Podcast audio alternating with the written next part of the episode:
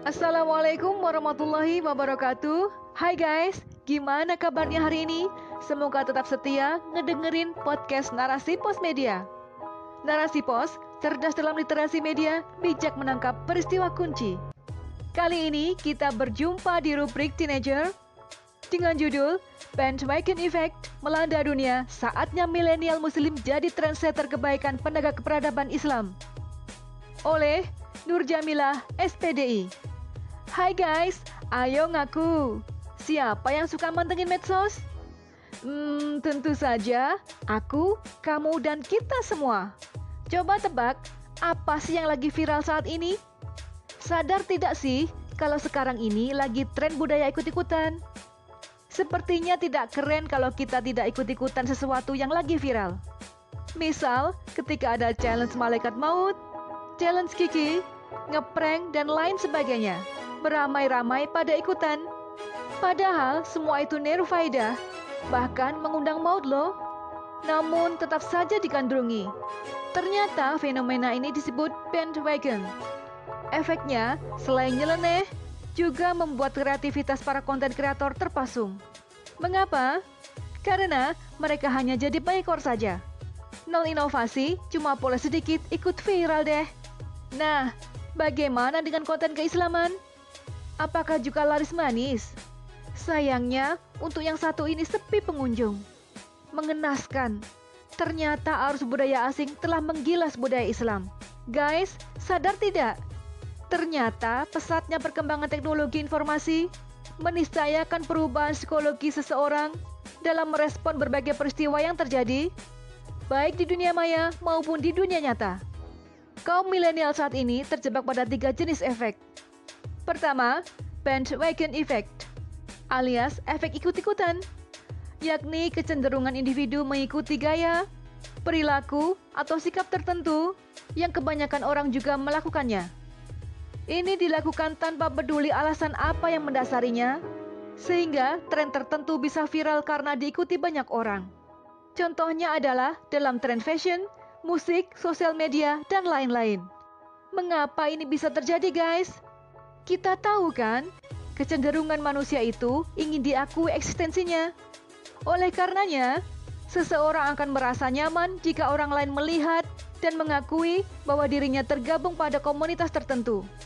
Keinginan untuk memiliki dan dimiliki dalam sebuah hubungan sosial memaksa manusia untuk menaati norma dan perilaku yang ternyata dilakukan juga oleh banyak orang. Bahkan, rasa takut dikucilkan dari lingkungan masyarakat juga menjadi salah satu penyebabnya. Kedua, snob effect alias efek gengsi. Ini berbeda 180 derajat dengan bandwagon. Orang ini justru ingin tampil beda dengan orang lain.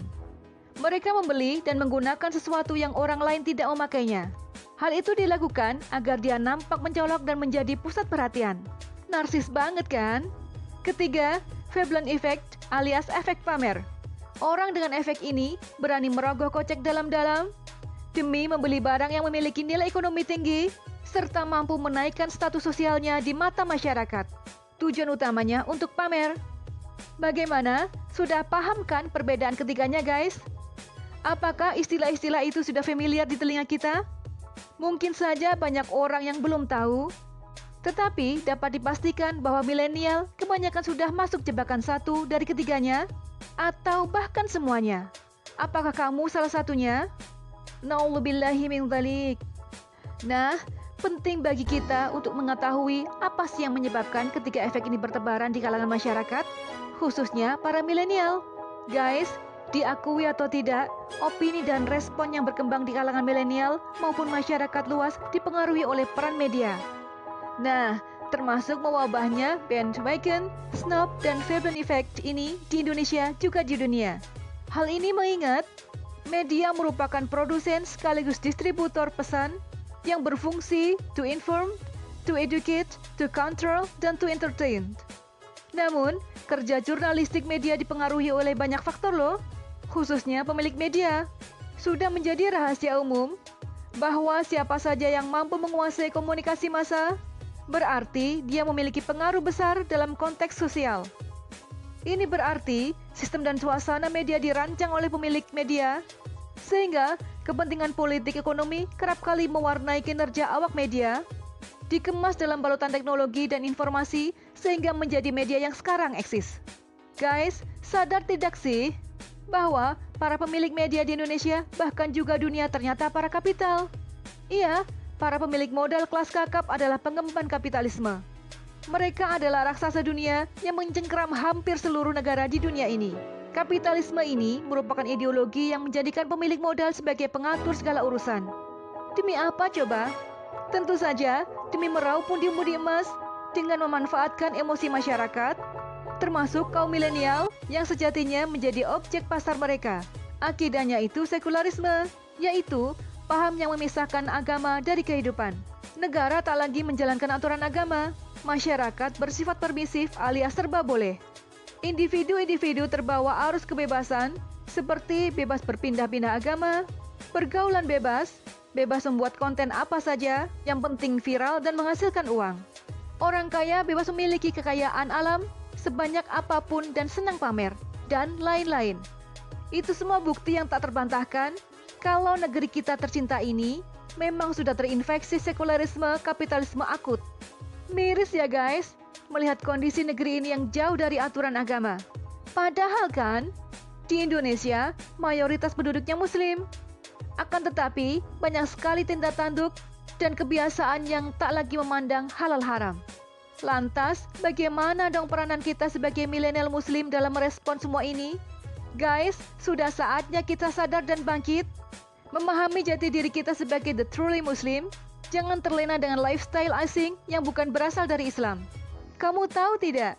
Islam itu ternyata mempunyai budaya mulia dan tidak kalah kerennya dari asing. Islam merupakan sebuah ideologi yang paripurna. Kesempurnaan ajaran inilah yang membuat Islam tak sudi menerima sekularisme yang hendak menceraikan urusan agama dari kehidupan. Aturan Islam tak hanya dipakai ketika salat, tetapi juga kompatibel dalam mengurusi urusan sosial, pendidikan, ekonomi, politik, dan lain sebagainya. Guys, Islam pernah tegak dan menjadi trendsetter peradaban dunia selama 13 abad lamanya loh. Itu terjadi ketika Islam diemban oleh individu, masyarakat, dan negara. Institusi negara ini dikenal dengan istilah khilafah. Ajaran Islam dan khilafah menjadi rahmatan lil alamin dan umat Islam menjadi trendsetter sebaik-baik umat. Keren kan? Sebagaimana firman Allah SWT dalam Quran Surat Al Imran ayat 110 yang berbunyi, Kalian adalah umat terbaik yang dilahirkan untuk manusia, menyuruh kepada yang makruh dan mencegah dari yang mungkar, dan beriman kepada Allah. Nah, ketika Islam dikdaya, tidak ada tuh yang namanya bandwagon, snob, dan Veblen effect. Sebab, suasana keimanan telah meliputi semua elemen dan lini kehidupan. Namun, hal itu bukan berarti hidup akan monoton dan stagnan. Justru hidup lebih dinamis, kreatif, dan penuh inovasi karena khilafah memberikan ruang seluas-luasnya, bahkan memfasilitasi warga negaranya untuk berkarya dan berkontribusi untuk kemajuan negara. Orang boleh kaya, tetapi dengan cara yang halal dan tidak pamer. Orang boleh populer dan viral, tetapi dengan kebaikan dan karya-karya terbaiknya. Ingat, semuanya on the track ya. Sebab, kalau ngayal dan bandel, algojo negara siap bertindak loh.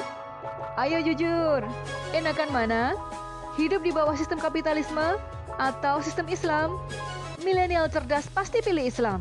Sudah saatnya milenial muslim sadar, move on, dan ikut memperjuangkan tegaknya Islam dalam naungan khilafah. Inilah masa di mana kaum muda bebas berkarya tanpa kehilangan jati dirinya sebagai seorang muslim. Ayo, wahai milenial muslim, jadilah trese terkebaikan, penegak peradaban Islam. Allahu Akbar. Wallahu alam bisawab.